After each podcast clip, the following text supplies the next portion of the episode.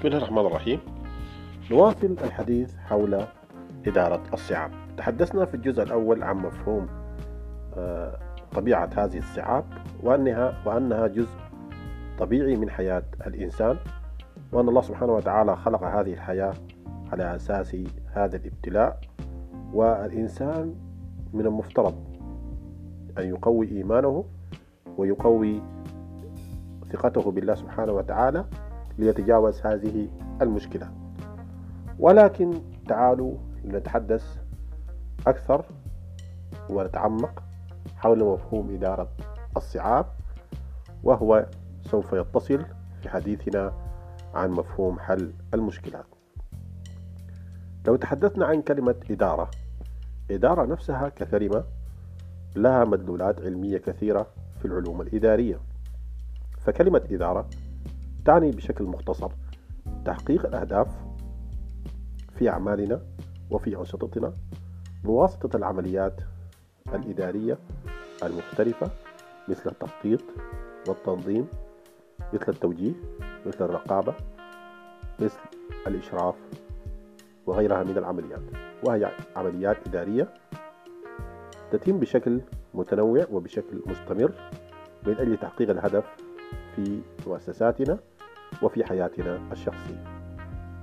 وعندما نتحدث عن إدارة أمر نتحدث عن حسن قيادة وتوجيه هذا الأمر نحو الهدف أي أننا نفترض في الأساس أن هناك مشكلات سوف تواجهنا في هذا الأمر أو هذا العمل وبالتالي نحن نحتاج أن نخطط وننظم ونوجه ونراقب وننسق ونشرف وغيرها من العمليات الإدارية.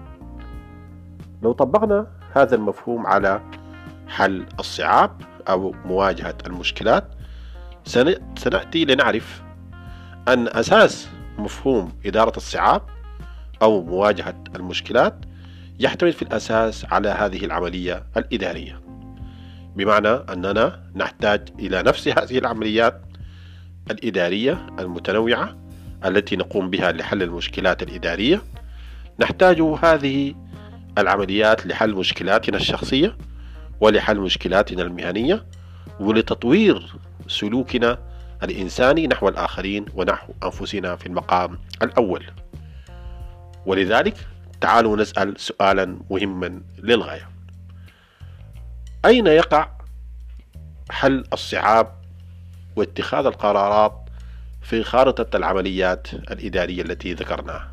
بمعنى إذا أردنا أن ننطلق انطلاقا صحيحا لمفهوم حل الصعاب يا ترى من أين تتطور الصعاب؟ من أين تنبع هذه الصعاب؟ من أين تنطلق هذه الصعاب في حياتنا؟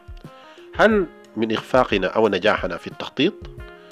هل من إخفاقنا أو نجاحنا في التنظيم؟ هل من إخفاقنا أو نجاحنا في الرقابة؟ هل من إخفاقنا أو نجاحنا في التوجيه؟ هل من نجاحنا أو إخفاقنا في الإشراف؟ أم ماذا؟ كل هذه العمليات النجاح فيها والإخفاق بنسب متفاوتة ومختلفة يؤثر على حياة الإنسان الشخصية والمهنية.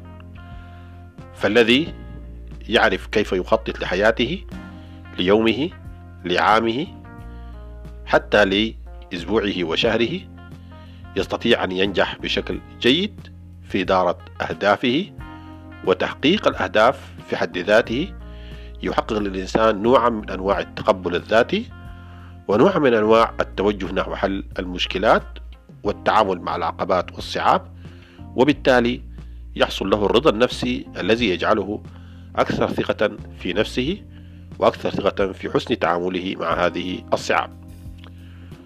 ولذلك السؤال ما زال قائما.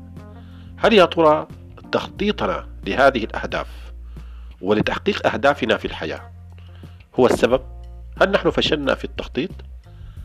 هل فشلنا في التخطيط لهذه الحياة؟ أم ترانا خططنا بشكل جيد ولنا أهداف ولكننا فشلنا في تنظيم الأولويات وإدارة المهام والتحقق من الغايات وكيفية الوصول إليها أم يا ترى أن المشكلة هي في التوجيه الذاتي لحياتنا نحو هذه الأهداف والسيطرة عليها وردعها من هذه الشهوات وهذه الشبهات التي تغلف حياتنا. أم يا ترى أن هذه المشكلة هي في الرقابة الرقابة الذاتية مراقبة في أعمالنا تجاه البشر تجاه أنفسنا تجاه الخالق تجاه الحياة والكون كله. أم يا ترى هي في هذا الإشراف؟ كيف نشرف على أداء أعمالنا؟ وكيف نستطيع أن ندقق في مستوى أداء وجودة هذه الأعمال؟ ولذلك تنبع الصعاب من هناك. هذه كلها أسئلة مشروعة. يمكنك أن تحلل وفقا لهذه الأسئلة أن تحلل جميع الأنشطة اليومية أو السنوية أو العمرية التي تقوم بها أن تحلل أسباب وقوع هذه الصعاب. نقول لو فحصنا فحص دقيق لهذه العمليات نستطيع أن نقول بكل ثقة أن الإخفاق في عملية التخطيط أن الإخفاق في عملية التخطيط للتعامل مع المشكلات هو الذي يولد هذه الصعاب ويجعلها تتزايد كل يوم في حياتنا. كيف ذلك؟ ربما التنظيم. يا أخي أنا أقول التنظيم أنا أقول التنظيم. وآخر يقول لا لا أنا أقول لكم التوجيه توجيه على حياتي. وشخص آخر يقول لا لا أنا أقول لكم الرقابة. هناك مشكلات في الرقابة هناك ضعف في الضمير. هناك ضعف في الضمير والتعامل مع المشكلات. تختلف الأصوات ويتفرغ الناس أيدي سبع في تحليل هذه الأسباب. ولكني أعود وأقول لك المشكلة تبدأ في التخطيط. المشكلة تبدأ في التخطيط. حينما لا نخطط بشكل جيد للتعامل مع حياتنا الشخصية وحياتنا المهنية أي بمعنى أننا حينما نفشل في تحديد من نحن تحديد هويتنا الذاتية في البداية. زالت الهوية الذاتية مهمة جدا ولها علاقة بالماركة الشخصية. كيف تستطيع أن تضع لك ماركة شخصية وتضع لك هوية شخصية وهوية ذاتية؟ حينما نفشل في وضع هذه الهوية الذاتية من نحن؟ والإجابة على السؤال الآخر الأهم ماذا نريد؟ وكيف نستطيع أن نصل إلى ما نريد؟ كيف نستطيع أن نصل إلى ما نريد في حياتنا؟ هذه ثلاثة أسئلة مهمة جدا من نحن؟ ماذا نريد؟ كيف نستطيع أن نصل إلى ما نريد؟